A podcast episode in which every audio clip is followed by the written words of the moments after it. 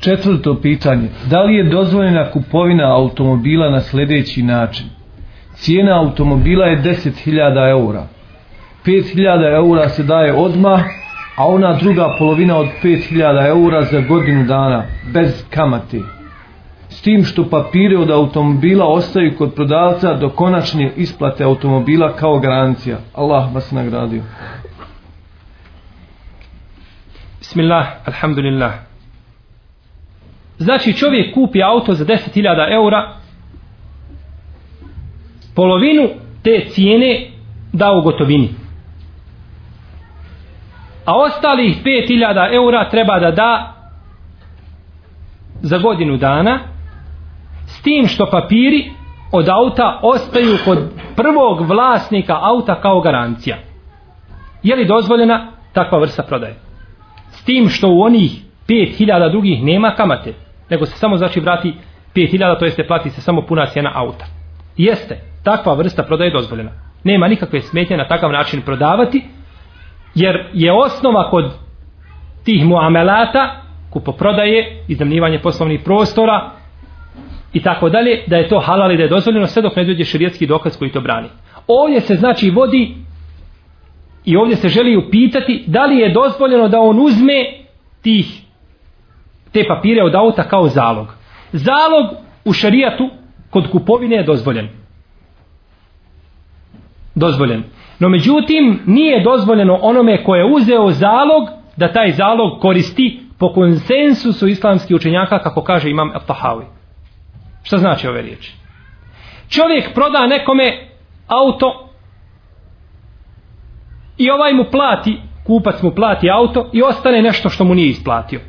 Pa mu kaže, ja ću od tebe uzeti tvoj telefon, imaš lijep telefon, pa ću ga ja uzeti kao zalog dok mi ne vratiš ostatak duga.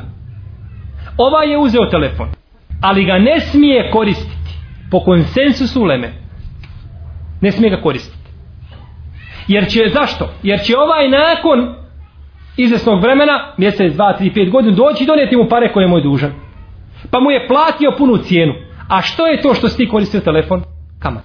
To je kamat. To bi bila kamata. Jer kaže fiksko pravilo na kome su se složili islamski učenjaci kullu qardin jarra naf'an fa huwa riba. Drugi kažu fa huwa haram. Svaki kredit iz koga onaj koji je pozajmio ima korist je kamata i to je haram. Na primjer, čovjek pozajmi svome bratu muslimanu hiljadu maraka do određenog roka. Kada istekne taj rok, donese mu ovaj dužnik pare i vrati mu hiljadu maraka i uz hiljadu maraka mu donese jedan miris. Taj miris je haram. Taj miris je kamata. Taj miris zabranjeno njemu da daje, niti ome da prima ili donese mu hediju ili bilo kakav poklon, to je sve zabranjeno. Jer mu je donio i metak. Pored hiljadu maraka on je njemu vratio nešto više od toga. Taman to bilo zrno pšenice. To se smatra kamatom. Pa shodno vrijednosti koju si mu dao u obliku hedije ili u obliku materije, to se smatra kamatom i biva čovjek znači odgovoran za to. Osim u jednom slučaju. Osim u jednom slučaju. U slučaju da čovjek ima običaj da tom svom bratu muslimanu daje hedije. Na primjer, imaš brata muslimana i ti imaš običaj da mu mjesečno daš po jednu hediju. Ne može proći mjesec dana da mu nadneš ili miris, ili misfak, ili nešto mu doneseš uvijek. Drag ti brat i uvijek doneseš mu po hediju. I sad ti on pozajmio hiljadu eura i ti mu vraćaš ti hiljadu eura i uz ti hiljadu eura mu doneseš i miris. Ne smeta. Jer ti si taj njemu miris davao kada? I prije što si pozajmio pare. Taj miris nema nikakve veze sa tim kreditom. Ili znači tom pozajmicom koju si uzeo od njega. No međutim da čovjek samo tada tadne, dadne neku stvar, pored duga koji vraća, to nije dozvoljeno, to bi se smatralo, to bi se smatralo kamatom. Allahu Teala, ala. Peto pitanje. Da li je dozvoljeno podizanje nišana iznad kabura i pisanje po njemu? Bismillah, alhamdulillah. Podizanje nišana iznad kabura i pisanje po nišanu. Podizanje nišana nema nikakve osnove u šerijetu. To nije bilo poznato prvim generacijama ovoga ummeta. Zbog toga je Ibnul Hadž u svome dijelu El Medhal osudio ovaj postupak. U trećem tomu na 272. stranici. Osudio ovaj postupak i smatra ga novotarijom. No međutim, pisanje po kaburu je još gore. A čovjek u stvari neće pisati po kaburu dok nešto ne napravi na kaburu. Bileži imam Etirmizi od Džabira radijallahu ta'ala anhu da je rekao zabranio je poslanik sallallahu alaihi vseleme da se gradi na kaburu i da se piše na kaburu. Zabranio je poslanik sallallahu alejhi ve selleme da se gradi na kaburu i da se piše na kaburu. Ovaj hadis vjerodostojnim smatra imam Tirmizi i Šejh Albani i drugi. Zašto da se piše po kaburu? Da se piše po zemlji? Ne. Nego da se piše na onome što se izgradi na kaburu. Bilo da se radi o ogradi, o nišanu, o bilo čemu drugom što se stavi, zabranjeno je da se po tome piše. Pa je zabranjeno da se to gradi i da se po tome piše. Jer se ne može pisati prije što se izgradi. Kaže imam Šaukjani u svome dijelu Neilu Leutar u četvrtom tomu na 104. stranici nakon što je spomenuo ovaj hadis od Džabira kaže Fihi tahrimul kitabeti ala al-kubur wa zahiru adamu l-farqi bejna kitabeti ismi l-mejti ala l-kabri u gajrihi Iz ovoga hadisa možemo zaključiti da je haram pisati po kaburu. I spoljašnje značenje hadisa ukazuje da se ta zabrana odnosi kako na pisanje imena od mejta, tako i na druge stvari ime Mejta, rođen tad i tad, nišan dižu ti i ti, ta se zabrano odnosi na sve to. Jer je došlo ovdje pisanje po kaburu bilo, šta znači da se piše, to je zabranjeno. To je zabranjeno. Pitanje šeheh Ibn Baz, rahimehullahu ta'ala, o stavljanju željeznog nišana. Nišan od željeza. Iznad kabura. I pisanje ajeta po tome nišanu i pisanje ime Mejita. Pa je kazao, La je džuzu en juktebe ala, kab, ala kabril mejit la ajatun kur'anije wala gajruha. La fi hadidetin wala fi leuhin wala fi gajrihima. Lima sebete an džabir thumme zakaru hadid. Nije dozvoljeno da se pišu kur'anski ajeti niti bilo šta drugo iznad glave mejita, odnosno iznad kabora. Ne po železnoj, niti po bilo kakvoj drugoj ploči drvenoj, mramornoj i slično tome. Nije dozvoljeno da se piše. Zato što je potvrđeno od poslanika sallallahu alejhi ve selleme da je rekao, pa je spomenuo hadis Džabira u kome je poslanik sallallahu alejhi ve selleme brani da se gradi na kaburu i da se piše po kaburu. Mi imamo mezarje u Medini, Al-Baqije, poznato mezarje u kome je ukopano na stotine, a možemo kazati slobodno na hiljade ashaba. Nikada nije ni na jednom od tih mezara stavljen nišan, niti je bilo građeno, niti je bilo građeno na nešto, na tim, znači, mezarima i tim kaborovima. Kako kaže imam Ezehebi u Etalhisu, kada su neki učenjaci dozvolili pisanje po kaborovima, kazao je, evo nam kaborova ashaba poslanika sallallahu alaihi sallam. Nikada nismo našli ni jedan od njih da je nešto pisano o njemu, niti nam je preneseno u knjigama istorije da neko zabilježio, da je neko nekada zapisao nešto na nekom od njihovih mezara. No međutim, dozvoljeno je čovjeku da označi mezar sa dva kamena.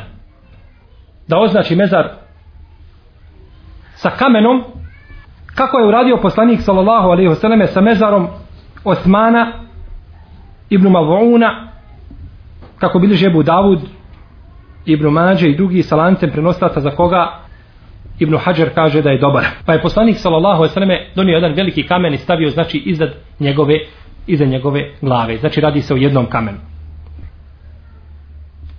Zato najbolje je čovjeku da izbjegne ove stvari. Da izbjegne znači stavljanje nišana iznad mejta, jer to nema svoje osnove u šarijetu. A druga stvar, time se jasno oponira hadisma poslanika sallallahu alejhi ve selleme, već je najbolje i najprioritetnije da se taj imetak da na ime mejta kao sedak. Pa će tako imati vrijednost I tako će imati nagradu i onaj koji je dao i onaj za koga se dalo, u čije se ime dalo. U ime Allahovo se naravno daje, ali na koga se namjenjuje taj imetak. Pa će znači imati onda obostranu korist, a davanje znači samo i ulaganje znači tog imetka u nišan, neće znači imati niko korist, može se samo toga imati šteta. Allahu Teala alem, sallallahu ala nebina Muhammedu, ala alihi wa sahbihi To je ono što smo imali danas od pitanja, što smo pripremili. Ako ima neko nešto da pita, pored toga što smo govorili, može. Jesi li ti mahnem bivšoj ženi svoga babe, svoje maće? Tvoje maća, jesi. Ti si njoj trajni mahrem i nikada više ne možeš tu ženu oženiti, možeš sa njom putovati, svejedno živila ona s tvojim babom ili ne živila, bilo da je tvoj babo preselio ili da je tvoj babo nju razveo, nema veze, ona tebi ostaje trajni mahrem. Ona se nakon tvoga babe uda za drugog čovjeka, može s tobom sjesti u vozi, putovati, nikakve smetje nema, ona tebi ostaje trajni mahrem. Allahu ta'ala. Ovdje imamo pitanje da li je sunnet biti stalno pod abdestom. Jeste. Lijepo je čovjeku da bude pod abdestom, čak i kada poleti na spavanje. Ako čovjek kada spava, kada gubi svoju svijest, treba biti pod abdestom, ima nagradu zbog toga, jer u jednom hadisu stoji da se čovjek nikad ne okrene lijevo i desno, a da melek ne kaže gospodaru moj oprosti mu, gospodaru moj smilujmo se. Kada god se okrene lijevo i desno, ima ovaj nagradu. Ali kada leže pod abdestom, neka čovjek ne kaže imam uvijek tu nagradu, imaš nagradu ako ležeš pod abdestom.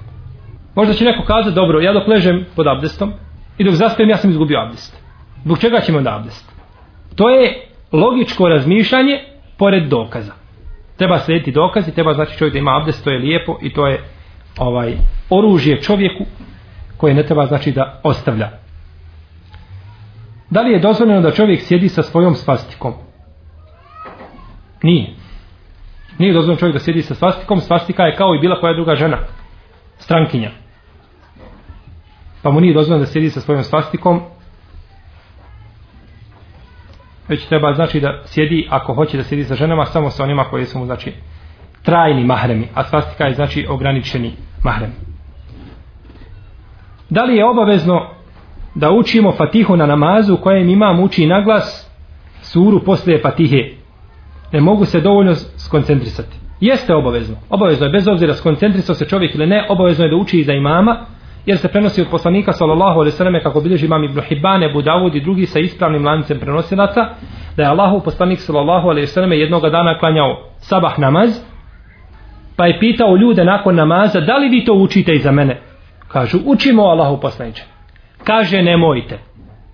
Nemojte učiti za mene osim Fatihe nemojte učiti za mene osim Fatihe jer nema namaza ko ne prouči Fatihe hadis jasan ko dan. Poslanik sallallahu alejhi ve klanja sabah namaz i naređuje da se na sabah namazu ne uči ništa osim Fatihe.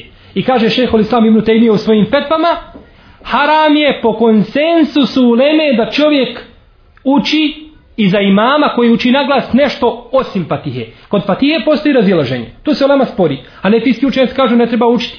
Nikako. Dok se u namazu bilo da imam uči naglas ili u sebi ne treba učiti. To je više hanefijski pravnika. Hambelijski pravnici kažu treba učiti ako uči na ako uči u sebi treba učiti. Ako uči naglas ne treba učiti. Dok šafijski kažu treba učiti uvijek. I Allah zna da je najispravnije mišljenje šafijski pravnika da treba uvijek učiti za imama zbog ovoga hadisa. I bilježi imame da Kutni, imam El Hakim u svome mustadreku sa lancem prenosilaca za koga imam Hakim i Zehebi i Dare Kutni kažu da je vjerodostojan. Od Omara radijallahu ta'ala anhu da je učio jednoga da je kazao jednom čovjeku uči Fatihu. Pitao ga jedan čovjek da li da učim Fatihu iz mama kaže uči. Kaže da li da učim i ako ti bio imam? Kaže da uči ako ja bio imam. Kaže da li da učim i ako ti učio naglas u namazu? I pored toga da učim Fatihu? Da kaže i pored toga uči Fatihu.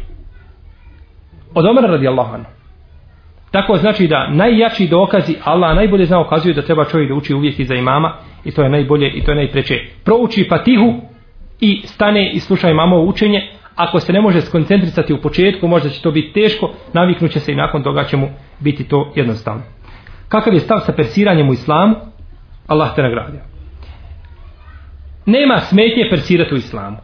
Nema smetnje da čovjek persira osobu u islamu zbog mjesta na kojem se nalazi i tako dalje, da mu kaže vi nema smetnje. Jer nema ništa što brani. Nema ništa u šarijetu što brani. To je odnosi među muslimanima, nema ništa zabranjeno. Međutim, ako bi se time htjela oholost ili da se čovjeku izražava ono što ne zaslužuje, da se time daje mu povod za oholost i slično, onda bi bilo zabranjeno. U protivnom, kada bi se došlo čovjeku koji obavlja odgovornu funkciju i slično tome, da mu se kaže ili zbog dobročinstva prema njemu, ili da mu se priđe, da mu se kaže vi, sigurno da to ne smeta i da to bolje učiniti.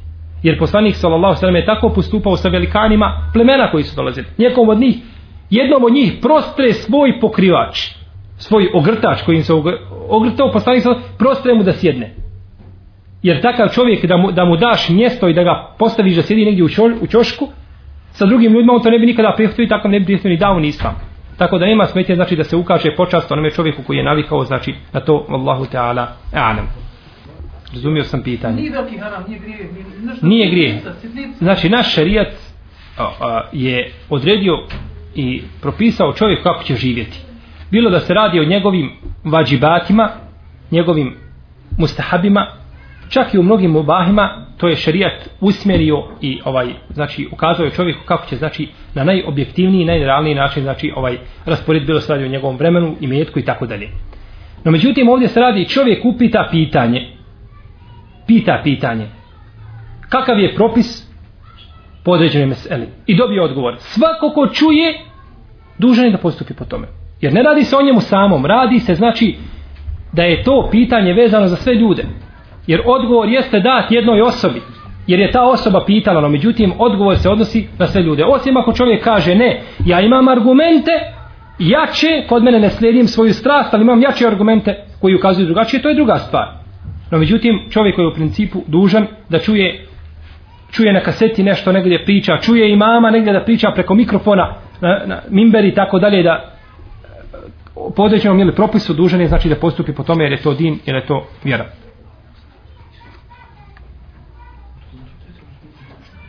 Jedno duže vrijeme moj očuh ne priča sa mnom i ne dolazi kod mene. Da li sam ja dužan bez obzira na to obići njega? Jer moja je majka njegova žena ti u principu nisi dužan biti svoga očuha kao očuva. no međutim možeš ga obići iz dobročinstva prema svoje majici naravno ako se bojiš za tvoj odlazak mogao bi imati, znači, odnosno tvoj neodlazak bi mogao imati negativne posljedice, onda obiđi svoga očuva, znači. A ako znaš da taj tvoj odlazak neće ništa promijeniti, neće, znači, kod njih niti dobro kako im donijeti, niti zlo, a tvoj očuva ne želi da im dolaziš, onda nemoj odlaziti. Znači ovdje se vraća, gleda se znači kakva je korist u tvojim odlascima, iako u principu nisi dužan da obilaziš svoga očuha kao očuha. Allah ta'ala. Rekao sam. Po dokazu. Ti radi. Ti ako imaš dokaz, ti si čuo odgovor. Mi ne idemo samo na odgovor. Neko kaže dozvoljeno, neko kaže zabranjeno. Dobro, šta nakon toga? To su dva mišljenja, dvije riječi. Mora znači kako da ja odlučim se, šta da pretegne kod mene. Da pretegne možda zato što jedan od dvojice koji odgovori ima dužu bradu ili zato što ima kapu na glavi ili zato što ima veću diplomu. To, nije, to nisu kriteriji. Nego su kriteriji da iznese dokaze jedan i drugi pa ti gledaš bez toga da udovoljavaš svojoj strasti. Jer čovjek, braćo, ponekad kada gleda stvar, zašto čovjek pita nekoga za savjet? Jer kada pitaš za savjet, ti pitaš za savjet čovjeka koji nema strasti. Na primjer, čovjek hoće putovati nekuda. Hoće putovati. I želi da putuje.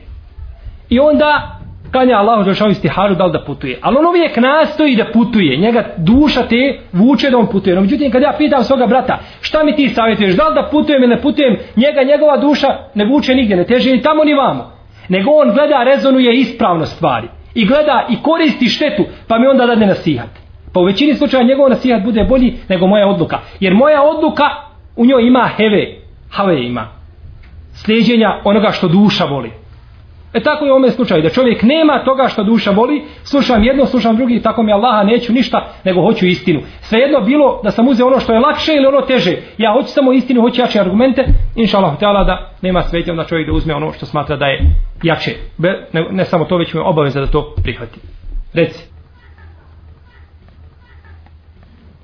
U verzi znači obavljanja nači, e, namaza, kako to čine pripadnici Hanefijske pravne škole. Pripadnici Hanefijske pravne škole obavljaju namaz koji je ispravan po konsensusu Leme.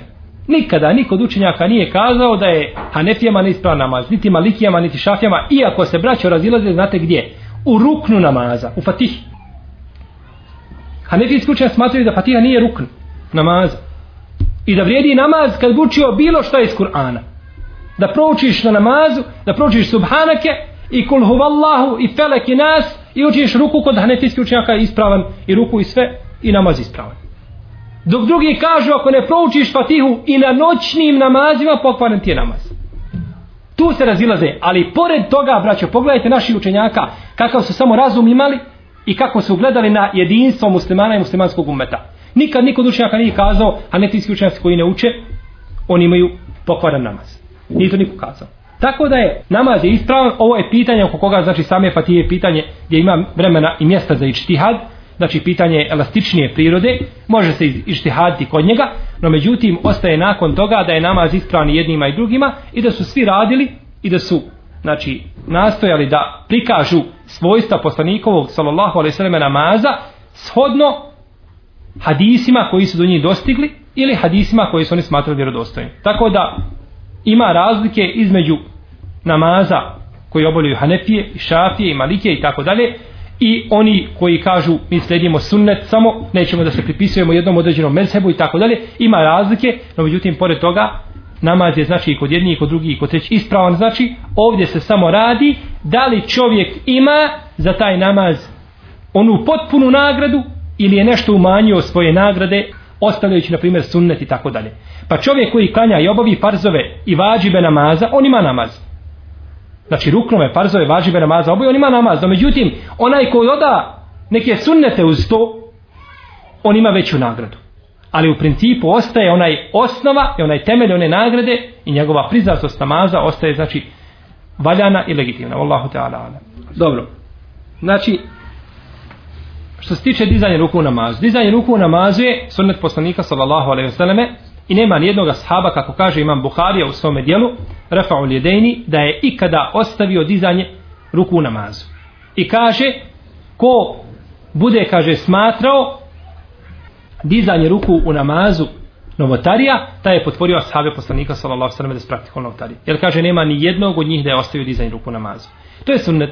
No međutim, tu postoje neke predaje koje ukazuju da neki od ashaba ponekad nisu digli ruke u namazu. Ovo je znači mišljenje imama Buharije. Neki, neke znači predaje ukazuju da neki od ashaba nisu digli ruke u namazu i kaže ovako je klanjao poslanik sallallahu alejhi ve kao što je hadis Ibn Mesauda i drugi. No međutim, Najveći hadijski stručnjaci su prigovorili tome hadisu, između ostali imam Buharija i tako dalje, zbog, zbog toga oni nije prihvatio znači, tu predaju. Pa se oni, u, znači oni su prihvatili ovu drugu predaju koja ukazuje da dizanje ruku u namazu nije bila praksa poslanika sa osanem. Iako hadisi o dizanju ruku u namazu se nalaze kod Buharije i kod muslima u nevjerostojnim hadijskim zbirkama. Ali to dizanje ruku u namazu niko nikada nije kazao da je dizanje ruku u namazu šta? Vađib ili da je farz ili da je ruk namaza. Nego je svi su složeni da je to sunnet ili oni koji kažu da nije sunnet, kažu da nije sunnet. Tako da ovaj to ne utiče na samu ispravnost namaza, ali dizanje ruku namazu je sunnet i ima svoju osnovu i treba čovjek znači da praktikuje dizanje ruku namazu. Allah ta'ala. Što se tiče zajedničkog zikra, to nema svoje osnove, ali to je opet mimo namaza, to nije vezano za sam namaz. To je znači zikr koji se radi nakon, što bi god čovjek činio, kako da bi zikrio nakon namaza, to ne utiče na ispravnost namaza koga obavlja.